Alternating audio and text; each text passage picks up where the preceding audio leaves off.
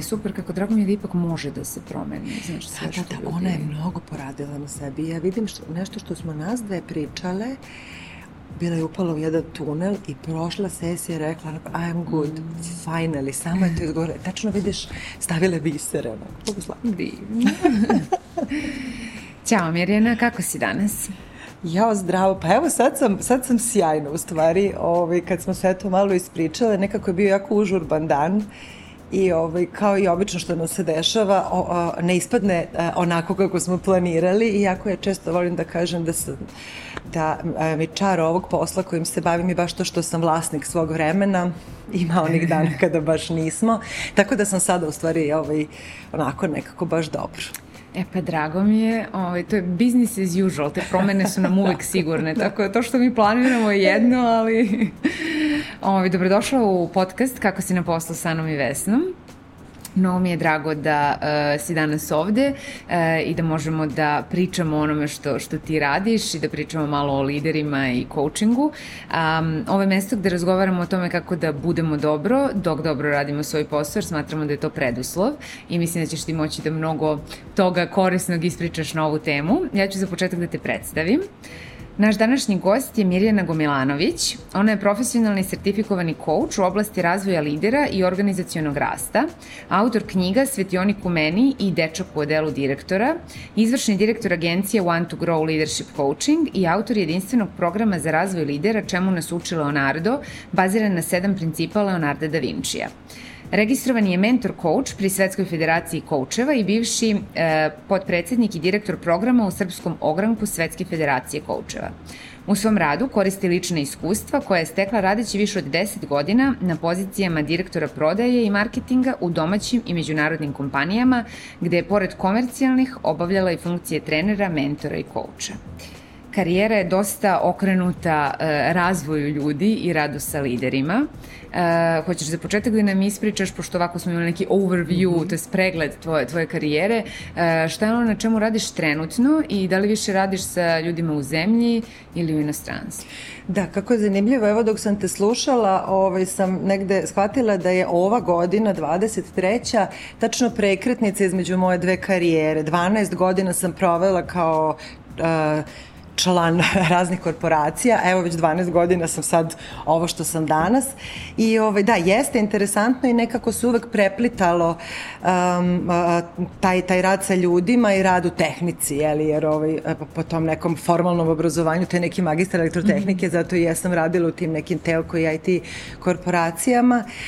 Um, trenutno i poslednjih godina, u stvari, ajde baš da ne bude trenutno, recimo poslednjih nekih 5-6 godina zaista sam se okrenula ovaj, tom radu uglavnom sa liderskim timovima i sa, um, uh, ja volim kad kažem lider, ja obično mislim na, na, na ono što ja definišem kao šampioni, zapravo ljudi koji su uh, dobri u tome što rade i svesni svog uticaja. Uh, nekako meni je taj uticaj na okruženje, na najbliže saradnike, na njihove, na njihova okruženja i na kraju krajeva ta ekologija koja je meni negde jako važna, na okruženje kao takvo, mislim da je nekako u poslednje vreme jako važno da osvešćujemo lidere na tu temu, a mislim da je kroz timski rad, kroz coaching, kroz treninge, kroz razne radionice i facilitacije, eh, rad na organizacijonoj kulturi, na osvešćivanju sistema i sistema vrednosti u samim kompanijama a, negde, negde jako važna, a sve to što radim u stvari po, polazi baš od ovoga i kako si ti mene pitala kako si od pojedinca.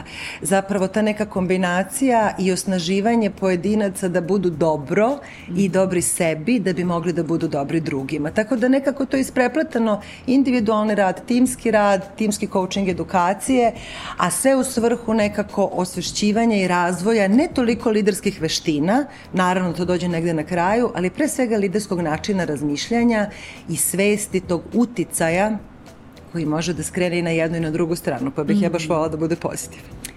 Da, baš mi se sviđa što, što pričaš o uticaju i to o načinu na koji e, mi činimo da se drugi ljudi osjećaju, to je posebno lideri koji su na da. tim pozicijama čine da se drugi ljudi osjećaju i kako ih motivišu i rade. E, reci mi, šta su najčešći e, problemi koji, e, koje primećuješ u radu sa liderima?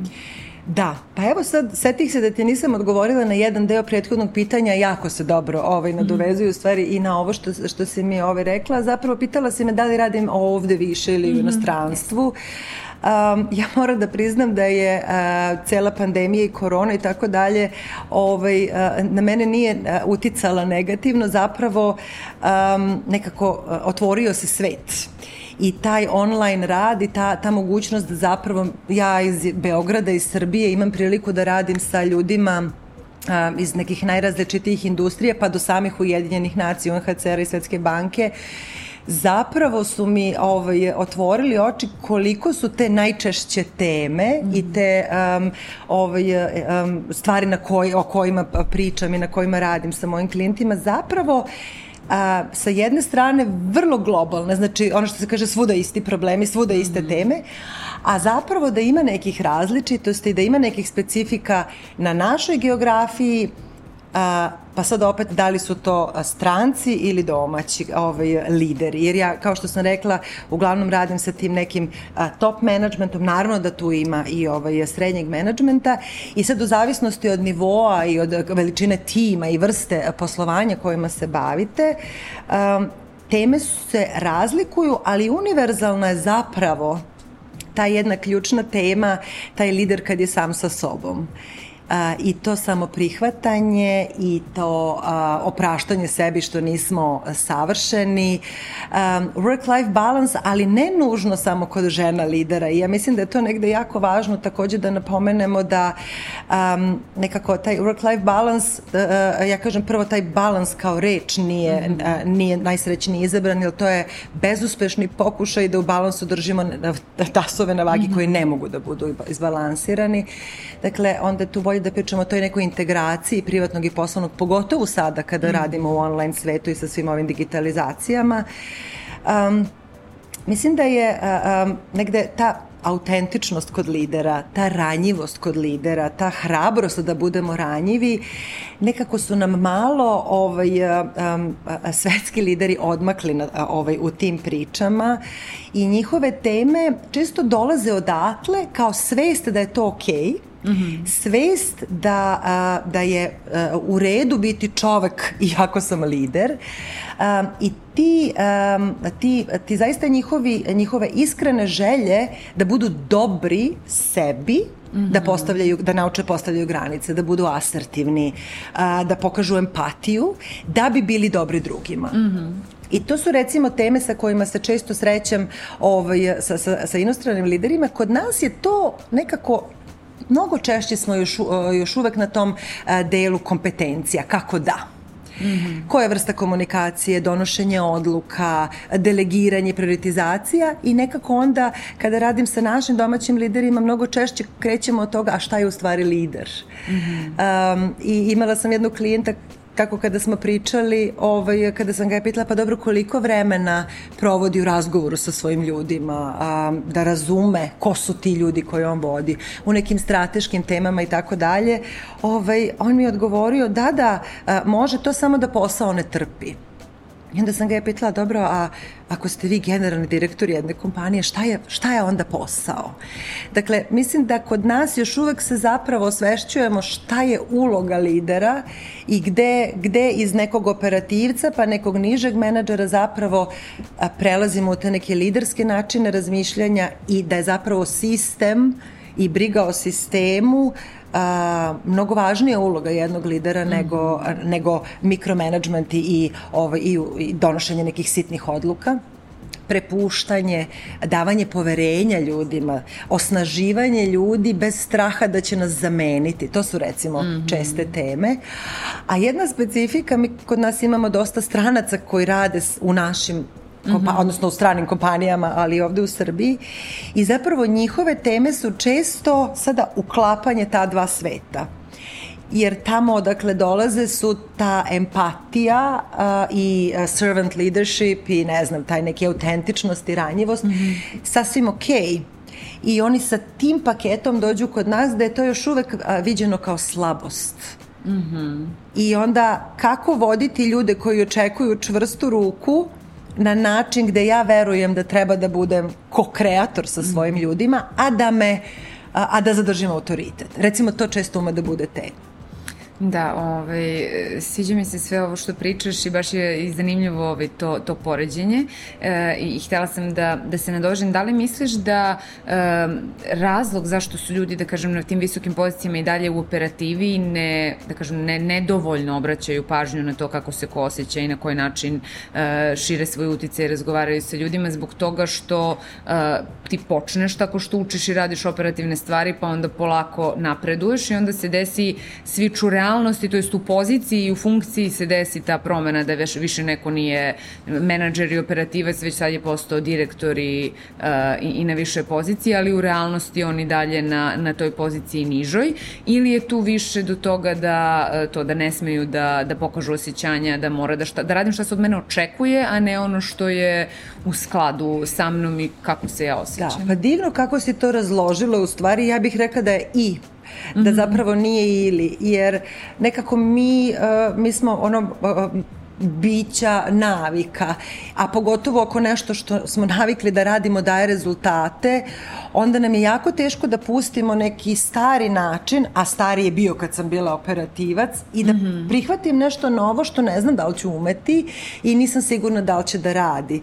Ovaj, I nekako ja se sećam pogotovo u IT kompanijama, mm -hmm. često mi se dešava da prvo postanu tim lidovi pa onda, onda krenu dalje, ali čak i na tim, li, tim lead pozicijama koje su zapravo, izrasla sam iz tima i sad sam počela da vodim mm -hmm. tim u kome sam, znači taj imperativ da moram i dalje da budem najbolji programer, najbolji developer, najbolji šta god, a, jer to je jedini autoritet koji moji ljudi poznaju. I recimo u tim tehničkim ovaj, um, profesijama ili, ili kompanijama ili timovima, to je dodatno, znači taj strah da, da me neće ceniti zato što više nisam najbolji programer, mm. nego sam sad samo team lead, jeli? Tako da to ume da bude recimo jedno opterećenje. Druga stvar je to, sad možemo na to da se vadimo, ali zapravo to dolazi iz našeg podneblja, podneblja gde, gde dečaci ne plaču, mm -hmm. gde ako nisi glasan ne čuju te, gde ako pokažeš emocije onda si slabić.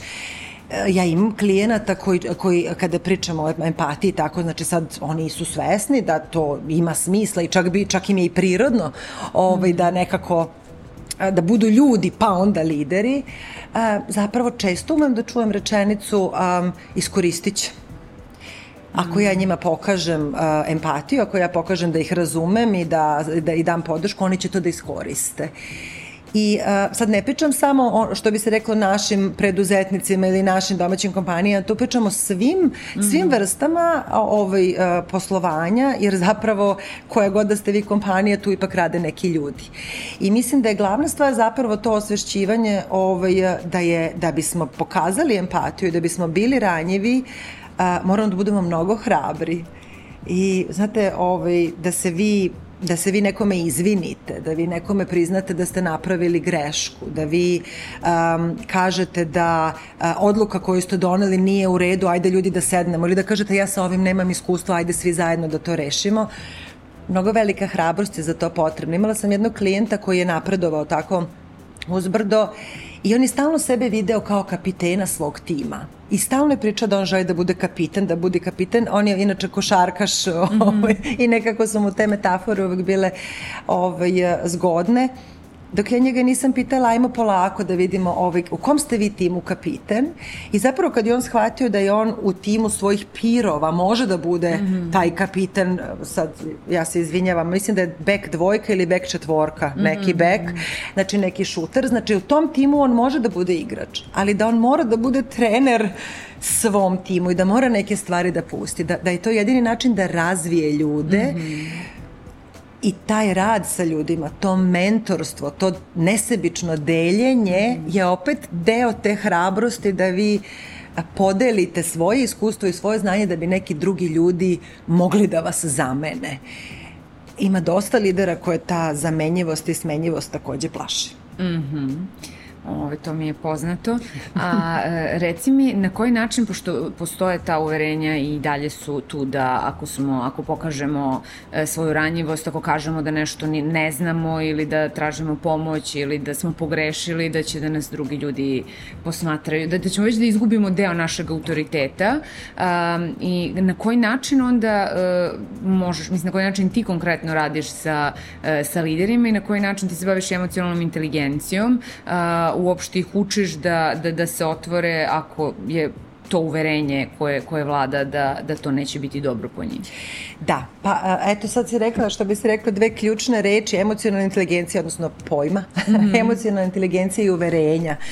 Ja mislim da je, bez obzira da li je timski ili individualni rad u pitanju, da najveći procenat vremena rada sa, sa ne nužno liderima, šampionima, kako god da ih zovemo, je zapravo rad na uverenjima. Mi toliko lepo slažemo i gradimo te neke naše apsolutne istine sa kojima tako hodamo i često ih vučemo kroz život da nam više uopšte nisu potrebne, koje su nas štitile nekada davno kada je trebalo. Ove, tako da taj rad na uverenjima je zapravo neki često početak ovaj procesa gde ljudi shvate da to što mi je učiteljica govorila nemoj ti tu da se praviš pametan i nemoj ti mnogo da ti mene pitaš ovde, znam ja, ovde sam ja da postavljam pitanja. Taj čovek ako treba da bude inovativni lider jednog start-upa, bože, tri puta sam već udarila, moram da smirim ruke, ako treba da bude inovativni lider jednog start-upa, teško da će on i sebe izvu, da, da će sam moći da preskoči tu barijeru, ovaj, nemoj tu da se praviš pametan i nemoj ti meni nešto da izmišljaš. Tako da često su ta uverenja zapravo i ključni razlog, odnosno onaj, onaj okidačka zbog čega se često počinje. Mm -hmm. Jer da malo bolje upravljam vremenom, da malo bolje komuniciram, da malo ima bolje strateško razmišljanje, da malo bolje, ne znam, delegiram, da, da, da, zapravo se uvek dođe do nekog uverenja. A kada, kada pronađemo to i kada tako lepo a, otkrijemo koja je to rečenica babe, tetke, učiteljice, oca koja nam tako sme se, ne sme se, mora se, onda zapravo tu na scenu dolazi ta emocionalna inteligencija gde um, jednostavno uh, nije empatija jedini element emocionalne inteligencije, često, često se na to pomisli, ja kažem, moramo da krenemo od toga, kao što sam rekla, da prihvatim sebe takvu kakva sam i da sam sebi ok, da oprostim sebi što su mi roditelji siromašni, da oprostim sebi što sam donala loše odluke, da oprostim sebi što sam imala naranđastu kosu i minival u srednjoj školi, ovaj, jer tek tada mogu zapravo da, i to je jedna od važnih stvari koju ja često ovaj, kažem mojim klijentima, ajde nekad zapitajte sebe šta se tačno ovde dešava i šta je najgore što će se desiti ako odlučim, mm -hmm. ne odlučim, uradim, ne uradim.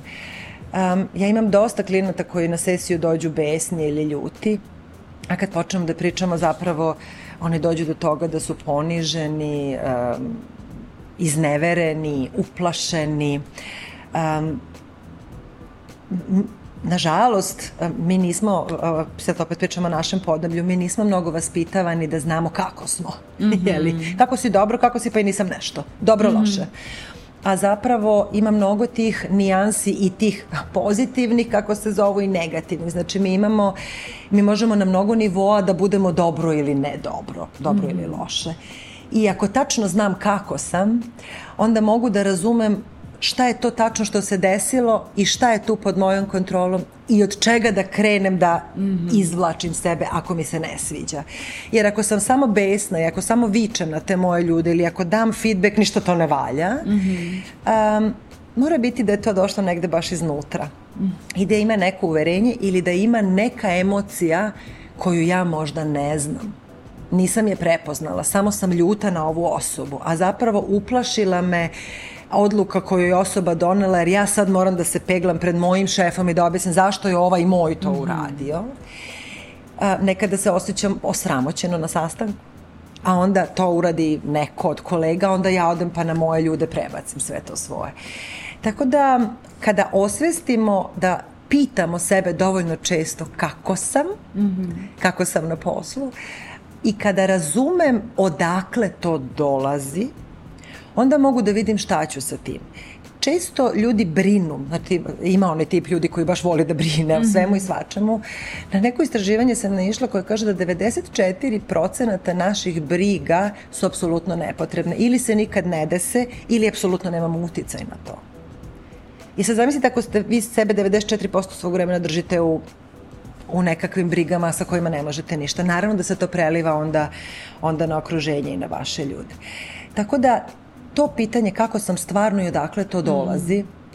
su jako važni ako pričamo o emocionalnoj inteligenciji, onda pričamo i kontroli impulsa onda pričamo o rezilijentnosti, onda pričamo o optimizmu, onda pričamo o sagledavanju realnosti, o tome da li je moja realnost jedina realnost, mm -hmm. da li je baš ovo stvarno onako kako ga ja vidim. Ili je moje tumačenje. Tako je, tako je. Da. Ovo, mislim, zanimljivo baš, jer ovo što ja čujem iz, iz svih tvojih primjera je da ljudi ne znaju da protumače svoje, svoje emocije i da reaguju impulsivno, imamo stimulus i reakciju, nemamo taj prostor između gde se tako pitamo je. zašto se osjećamo tako kako se osjećamo, pa da onda eventualno promenimo uh, kako reagujemo. Um, na koji način uh, i, i šta su neki benefiti uh, ili šta su neki uh, možda negativne strane, ako posebno malo pre si spomenula muškarce koji drže sve i koji su naviknuti, oni moraju da uvek budu dobro i oni da. ne smiju da plaču i oni moraju da uvek budu uh, hrabri hrabre i snažne. Mislim, dosta smo i u ovim emisijama ovde pričali o ženama, ali mislim da je baš značajno da pričamo malo o muškarcima na liderskim pozicijama, jer oni nose taj teret da, da moraju da budu stena i, i da, da uvek budu dobro, a nisu. A, šta su neki benefiti ako se dobro, mislim sad ti bira iz koje ćeš strane da, da mi pričaš ja, ili da, da, mi, da, da, da objasniš koje je benefit i zašto je dobro da, da osvestiš svoje emocije i da budeš ranjiv i da se prikažeš ka, takav kakav jesi a, ili koje su posledice ako to ne radimo. I šta se dešava s onim ljudima koji to u sebi samo uh, talože i skupe jer ta, te osjećanja ne idu nigde, oni su u nama pa nam onda, jel te, posle stvaraju neke bolesti. No, ili... jeste. Sad, naravno, ovaj, ja se nadam da, da lekari, ako ima među, mm. među ovaj, e, tvojim, našim gledalcima, neće da mi zamere što ću dati jednu metaforu koja apsolutno nije tačna i ne mm -hmm. To ja kažem, to je kao trombu u nervnom sistemu. Naravno da to ne postoji, ali um, te nakupljene emocije koje su se taložile kao i strahovi. Mislim, mi imamo samo dva straha sa kojima smo stvarno rođeni, gubitak čvrste podloge, iznenadni jaki zvuci. Znači sve ostalo smo mi polako skupljali i taložili kroz život. Isto tako emocije. Mi nismo vaspitani da pitamo svoju decu kako su. Ja se sećam iz jednim tri godine kad sam ga pitala što si mi ili tužan, on kaže nisam tužan nego sam ljut. Dakle, većina odraslih mojih klijenata ne zna da mi napravi razliku između tužan i ljut, a kamoli mhm. besan i tako dalje. Um, nekako ću probati na, o, na oba dela pitanja da odgovorim mm -hmm. sa mhm. istog mesta, jer zapravo, a, a počet ću toga ka, kako to u stvari možemo da radimo. Jer mi nekako imamo neke tri inteligencije. Uh, najveći broj, neću reći sad samo ovi lidera, pa ljudi pomisle na političare i generalne direktore. Svako od nas je lider u tome što radi. Mislim, to je jako važno da razumemo. Znači, većina odraslih ljudi pogotovo u poslovnom okruženju, nekako koristi najčešće tu jednu inteligenciju koja dolazi od mozga. Dakle, razmišljaju na temu, analiziraju, skupljaju informacije, skupljaju činjenice i onda na osnovu neke, nekog racio, racija donose neke odluke. Međutim, mi imamo još dve inteligencije. Dakle, imamo jednu inteligenciju koja je onako naš kor, one naše vrednosti i uverenja, i principi, i stavovi, i ko sam ja stvarno, dakle ono u šta ja verujem kao osoba, šta god bilo stvarno istina, šta god bila moja projekcija istine, imamo treću inteligenciju koja dolazi odavde. Dakle, to je na naša intuicija i to su ta naša, kako se mi trenutno osjećamo na neku temu. I a, najčešće a, dolazi iz jedne i najčešće iz ove inteligencije kada smo u poslovnom okruženju.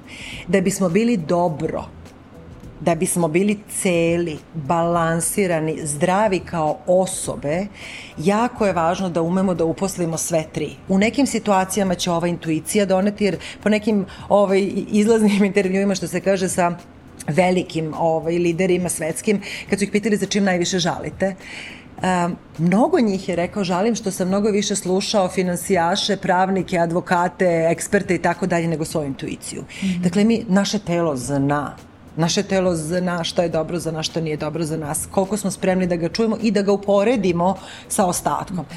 koliko smo povezani sa sobom, koliko radimo ono što se kaže protiv sebe. Dakle, da li izdajem svoje uverenja i vrednosti redovno kada kažem da šefe?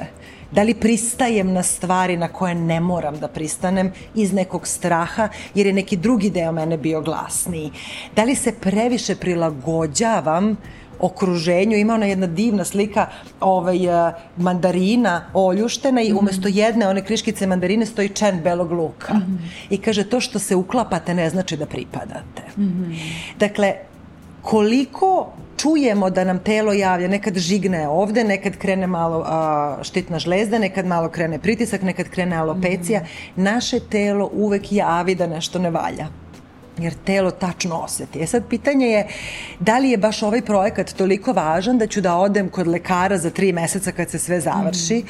a telo će onda da krene da šalje sve jače i jače poruke. Nažalost, neki moji klijenti e, mi se jave kad izađu sa intenzivne nege da mi kažu sad znamo čemu si nam pričao.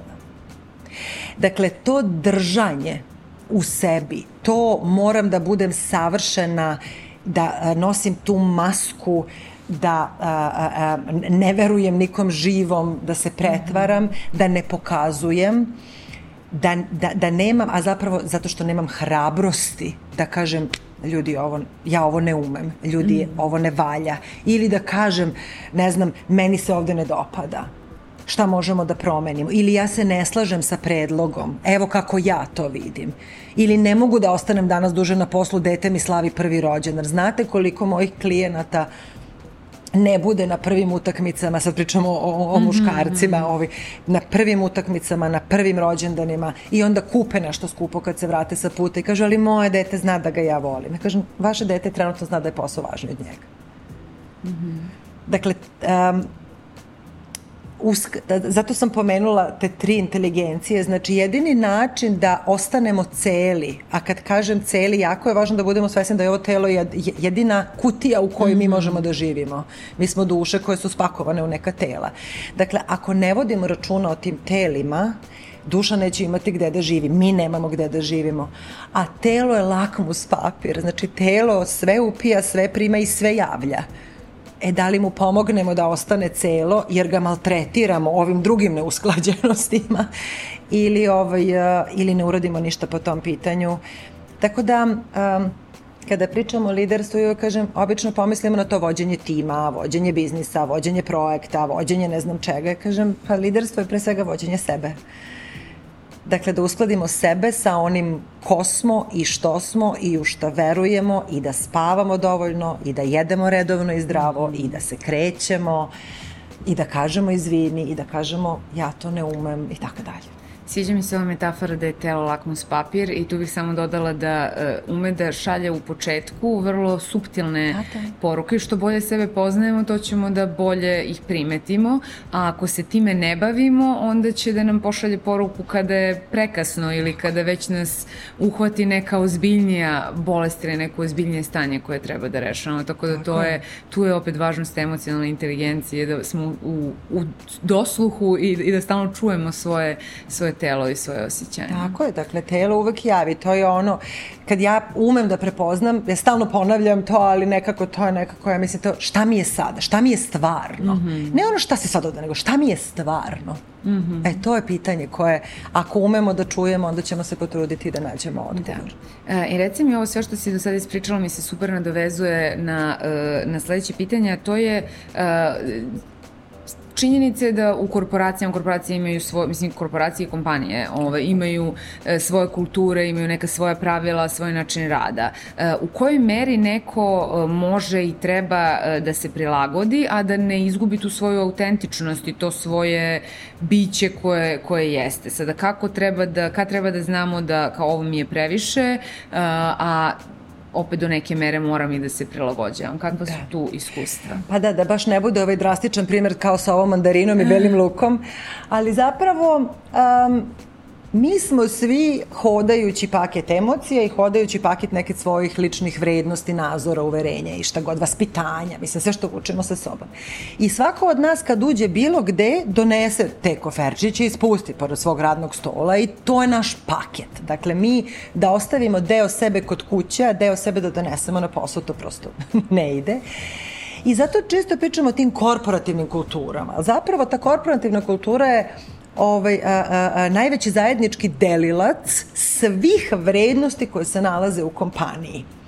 Dakle, naravno da mi, ako smo, ne znam, startup, hoćemo da budemo inovativni, ako smo banka, hoćemo da budemo stabilni, a ako smo, ne znam, nešto, hoćemo da budemo efikasni.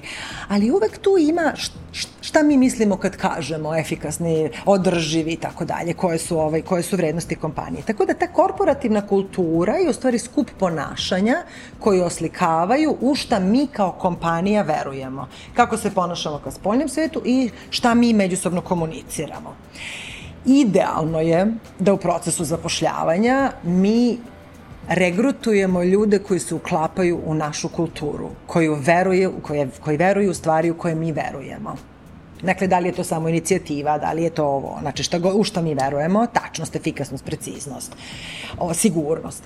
Jer ako zaposlimo samo eksperta, koji ima malo drugačiji set vrednosti, bit će teško ekspertu, bit će onaj beli luk, a bit će mhm. teško i nama. Jer sad mi treba da nešto što sam ja, odnosno što je ta osoba, menjamo zarad ekspertize koju ta osoba donosi. Ako je to ekspertska pozicija, ono što se kaže individual contributor, znači čovek može da radi sam, koji nema mnogo, ovaj, neće mnogo da, da utiče, onda je to okej. Okay. I tom čoveku je okej, okay, ne mora previše da se prilagođava, ostaje tako autentičan, nudi svoju ekspertizu. Međutim, onog trenutka kada imamo tu interakciju, onda je pitanje, dobro, ako su rekruteri pogrešili i mene ovakvu autentičnu i potpuno drugačiju primili, mislim, ne pogrešili, možda su stvarno, možda je stvarno mhm. moralo da se popuni pozicija, ajde sad da ne budem, jer danas je jako teško naći ljude. Ovaj, dakle, onda je pitanje kako ovo što sam ja danas ovde radi za mene? Dakle, da li je možda ovaj red u CV-u, ili ova plata koja plaća ovaj kredit ili ova, ova iskustva, ovi ljudi, ova znanja, a, ove prilike, ovi projekti na koje, ni, koje ne bih mogla da dobijem na nekom drugom mestu, možda mi stvarno vrede i možda ću ja stvarno ovde uzeti ono što je meni potrebno I onda mi možda vredi da tu svoju autentičnost, niko to, to nije on off, znači to nije 0-1, ali da kažem, ok, ne moram da se oblačim ovako ili ne moram da koristim ovaj rečnik ili ne moram da, ne znam, radim neke svoje, da budem toliko direktna u komunikaciji, ako mi vredi. Jer um, mi svi smo svesni da moja mama je ušla u jednu kancelariju i izašla iz iste posle 35 godina. Mm. Toga nema više. Dakle, svi smo mi svesni da se mi negde preklapamo a, u putovanjima sa raznim a, kompanijama i timovima i liderima i tako dalje. Dakle, neko određeno vreme ćemo se mi preklopiti. Da li je ovo vreme koje ja želim da provedem u ovoj kompaniji ko, vredno meni za ono gde sam mm-hmm. pošla? Ako jeste, vrlo verovatno uopšte ne moram da razmislim o tome da li ću da se prilagodim. Ali ako me, ako me kultura u koju sam upala direktno gađa u vrednosti, tipa Uh, ja sam naučena da je istina mnogo važna, a ovde svi nešto kriju i muljaju i klijente lažu i šta ja znam, sad se vraćamo na ono telo, mm -hmm. jeli, teško da ću ja, koliko god mi je vredno da se prilagodim i znam da mi je super red u CV-u, uh, nisam sigurna koliko je zdravo da gutam, mm -hmm. da mhm. ćutim, da vezujem konjak da mi gazda kaže, jer to se direktno kosi sa mojim vrednostima. Dakle, ako se slažemo po pitanju vrednosti, a samo se razlikujemo po pitanju načina na kojih živimo, tu ćemo mm -hmm. se prilagoditi ako mi vredi, ako želim. Ali ako se ne poklepamo na nivou vrednosti, jako, jako je žuljevito. Mm -hmm. I onda moramo da počnemo da pratimo te, te subtilne ove, signale. Ja često, ove, često kažu pa moram. Ja kažem, ja kod odraslih ljudi ne verujem u reč moram. Mm -hmm. Dakle, to je samo svesna je odluka da je nešto važnije od nečeg drugog. Dakle, na našu veliku sreću, redko ko se sreće sa ovaj, pištoljem na, na slepočnici mm -hmm. da mora a ima ljudi koji ni u tim situacijama ne popuste. Mm -hmm. Dakle, svaki put kad izgovorite moram, budite svesni da je neki deo vas rekao da je nešto važnije od nečeg drugog. E samo se opet malo uvucite da. unutra i pronađite ta dva dela, nek porazgovaraju. Da, da, to je nekad teško priznati, da, da su nam sve izbori i da šta uh, ne menjaš, biraš. Tako je. Tako je. Tako. Ovaj, hvala ti. Uh, za kraj, uh, hoću da te pitam da uh, nam sumiraš, to je da izdvojiš tri stvari koje misliš da ljudi koji su gledali ili slušali ovaj naš razgovor treba da zapamte. Da, pa eto, ovaj, nekako kako smo počele uh, počele smo negde smo uveli tu autentičnost i ranjivost i ta briga o sebi. Nekako, ja bih strašno volila da ako smo pokrenule ljude da, da budu svesni da je briga o sebi, o svom fizičkom i mentalnom zdravlju prapočetak svega. Dakle, obratite pažnju na to koliko spavate, kako jedete, da li se fizički krećete, da li ste usklađeni sa svojim vrednostima, da li znate šta je vaša strast i da li živite u skladu sa njom. Znači, nekako onako odvojite malo vremena i zaista um, uskladite se sa sobom, vratite se sebi i budite verni sebi. To će vam dati te hrabrosti da budete vi i gde, u raznim okruženjima i u situacijama koje deluju izazovne i onda zapravo, onda ćete umeti sebi, sad, to, sad je drugo, zapravo da mhm. postavite to pitanje kako sam stvarno šta se ovde tačno dešava, šta me ovde tačno pogodilo ili obradovalo ili tako dalje. Znači šta se ovde stvarno dešava, odakle to dolazi i naravno kako sebi na najbolji, na najbolji način da pomognem. I mislim da je neka treća ovaj, stvar, a, a zapravo to je da kada imate neke dileme, kada imate neke situacije kada ne znate šta biste, trebalo bi, a vi biste, a ne daju vam i tako dalje, sasvim je moguće da, kao i kod većine ljudi, nisu osnažene. Znači, samo da ovako stavite ruku na, na čelo i da pitate sebe šta ja mislim o ovome, mm -hmm. šta ja znam o ovome i šta ja osjećam vezano za ovo. Neki će vam biti jako težak, ali budite uporni i uspostavite taj dijalog da razumete kako se osjećate po pitanju neke situacije, šta vi iznutra znate kada ta situacija u pitanju i šta vi o tome mislite. Jer ako dobijete ta tri odgovora, sasvim je moguće da će se javiti neka jasnoća i da ćete umeti da rešite situacije koje su delovale da ste nešto morali. Baš mi se sviđa, posebno ovo da, da pitamo i šta znamo i šta osjećamo, jer smo stvarno svi previše u glavi. Hvala ti mnogo na, na gostovanju i na svemu što si podelila. Hvala tebi na pozivu, meni je pre svega zadovoljstvo i čast, ali nekako kada si me pozvala, baš sam onako ovaj, pratimo se već neko vreme pa mrežama, imali smo prilike da se upoznamo, a, a jako me obradovao tvoj poziv i prilika da, da baš kod tebe ispričam neke stvari. Hvala ti mnogo. Hvala i tebi. Um, hvala vama što nas gledate i slušate. Vidimo se za nedelju dana na istom mestu. Do tada budite nam dobro. Mislim da je baš značajno sve što smo podelili. Jesmo odužile. Nismo, ja ne znam kad smo počeli, sad je pola tri. Da, malo preko pola sata, pa ja, ali da. smo okej. Okay.